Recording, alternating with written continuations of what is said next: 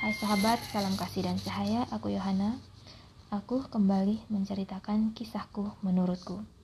Kali ini aku mau bercerita tentang pengalamanku dengan adat yang berlaku di keluargaku. Ketika usiaku remaja, aku tidak pernah menganggap adat sebagai sesuatu hal yang penting. Mungkin karena aku mengadopsi cara berpikir orang-orang di luar negeri. Dan di saat pertama merantau ke Surabaya, orang tuaku membuat ritual adat – Katanya untuk memohon perlindungan leluhur, supaya perjalananku aman dan apa yang dicita-citakan membawa hasil yang baik. Ketika ritual ini dilakukan, aku sudah terlanjur berangkat karena keberangkatanku saat itu mendadak. Jadi ritual ini dilakukan oleh keluarga dan orang tuaku. Mereka hanya menyebut namaku saja dalam ritual itu.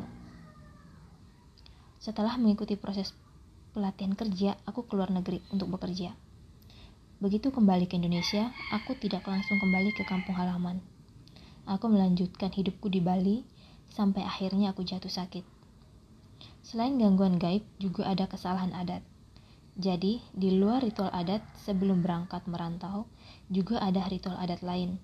Dan ini berlaku di dua garis keturunan, yaitu keturunan ayah dan ibu dan dalam proses penyembuhan aku terpaksa dijual secara adat untuk menghilangkan jejak, katanya, supaya orang-orang yang menyakitiku tidak bisa mengusikku lagi.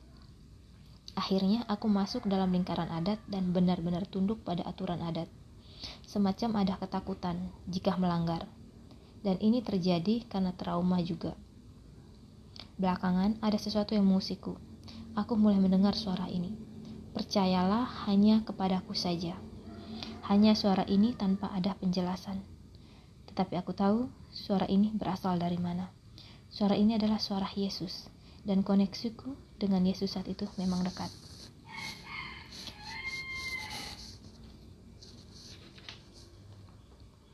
Tetapi aku tetap menjalani ritual adat. Ketika akhirnya aku sadar, siapa aku, untuk apa aku ada di sini aku memutuskan untuk melanjutkan perjalananku sesuai dengan agendaku.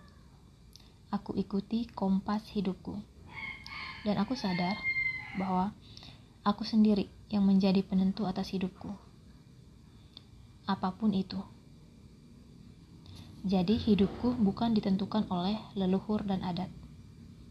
Aku tidak menganggap adat dan leluhur sebagai sesuatu hal yang buruk. Aku juga tidak punya niat untuk meniadakan adat. Aku hanya ingin berdaulat atas diriku sendiri, atas hidupku. Aku tidak ingin dikontrol oleh adat dan akhirnya hidup dalam ketakutan. Takut melanggar adat dan takut dikutuk. Aku pun tidak mau mengikuti agenda leluhur yang kurasa terlalu mengikat. Bahkan untuk urusan jodoh pun sudah diatur. Sampai-sampai aku tidak berani berelasi secara intim dengan lawan jenis dari luar daerah yang sudah ditentukan.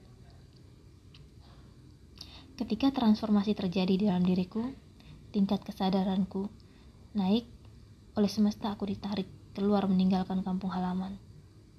Dan aku pergi tanpa ritual adat apa pun.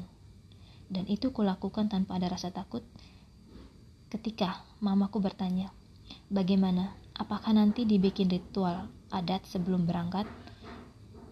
Aku menjawab dengan mantap, tidak perlu. Dan di bandara, aku mulai merasakan reaksi fisik, di mana tubuhku tiba-tiba lemas. Mau pingsan rasanya. Kuamati ragaku yang mulai lemas dan bertanya ke dalam diri, ada apa? Kenapa tiba-tiba lemas? Tak ada jawaban, aku hanya merasa ada kekuatan yang mendorongku untuk tetap melangkah. Dan secara energi, aku merasakan kontrol dari adat leluhur begitu kuat. Aku mau dijauhkan dari keluarga jiwaku. Karena dengan aku berelasi secara akrab dengan keluarga jiwa, peluang mereka untuk mengontrolku menjadi tertutup. Beruntung, aku berada di lingkungan yang tepat.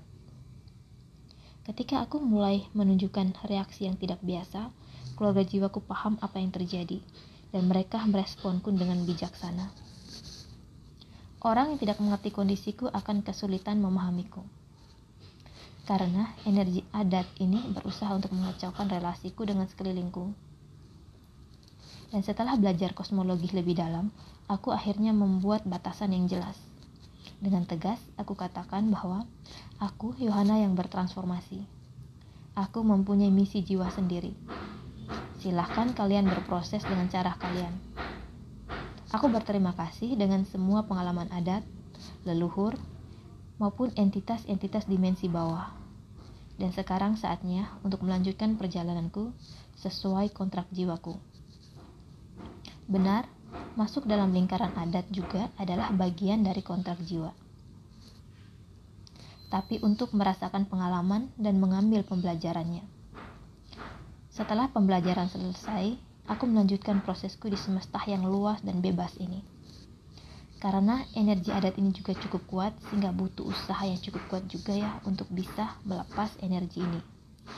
Dimulai dengan intensi, meditasi, penyembuhan luka batin dan grounding. Semua ini kulakukan secara konsisten. Karena energi ini tidak bisa dilepas sekaligus, kadang aku lelah. Karena energi ini terasa mengganggu. Ketika spirit leluhur menyuruhku minta maaf karena aku pergi tanpa pamit, Aku menolaknya karena aku berkesadaran bahwa Tuhan saja tidak menghakimi. Jadi kenapa harus minta maaf dan aku katakan bahwa aku berdaulat atas tubuhku, pikiranku, dan jiwaku. Pada dasarnya aku tidak membenci adat. Adat tetap kuperlukan untuk pembelajaran tentang kontrol dan kebebasan. Jika aku membenci adat, berarti aku adalah adat itu. Maka itu, aku tidak membenci adat atau apa pun yang mengontrolku. Aku hanya perlu mengalami pengalaman adat, kemudian melampauinya. Sewaktu-waktu aku bisa kembali, tetapi dengan tingkat kesadaran yang berbeda. Dan ketika kembali, aku memilih menjadi pengamat, tanpa menghakimi adat dan siapa pun yang masih ada di dalamnya. Siapa aku mengontrol adat, atau orang-orang di dalamnya. Jadi, fokusku lebih ke diriku sendiri. Nah, sahabat, ini ceritaku. Thank you. Namaste.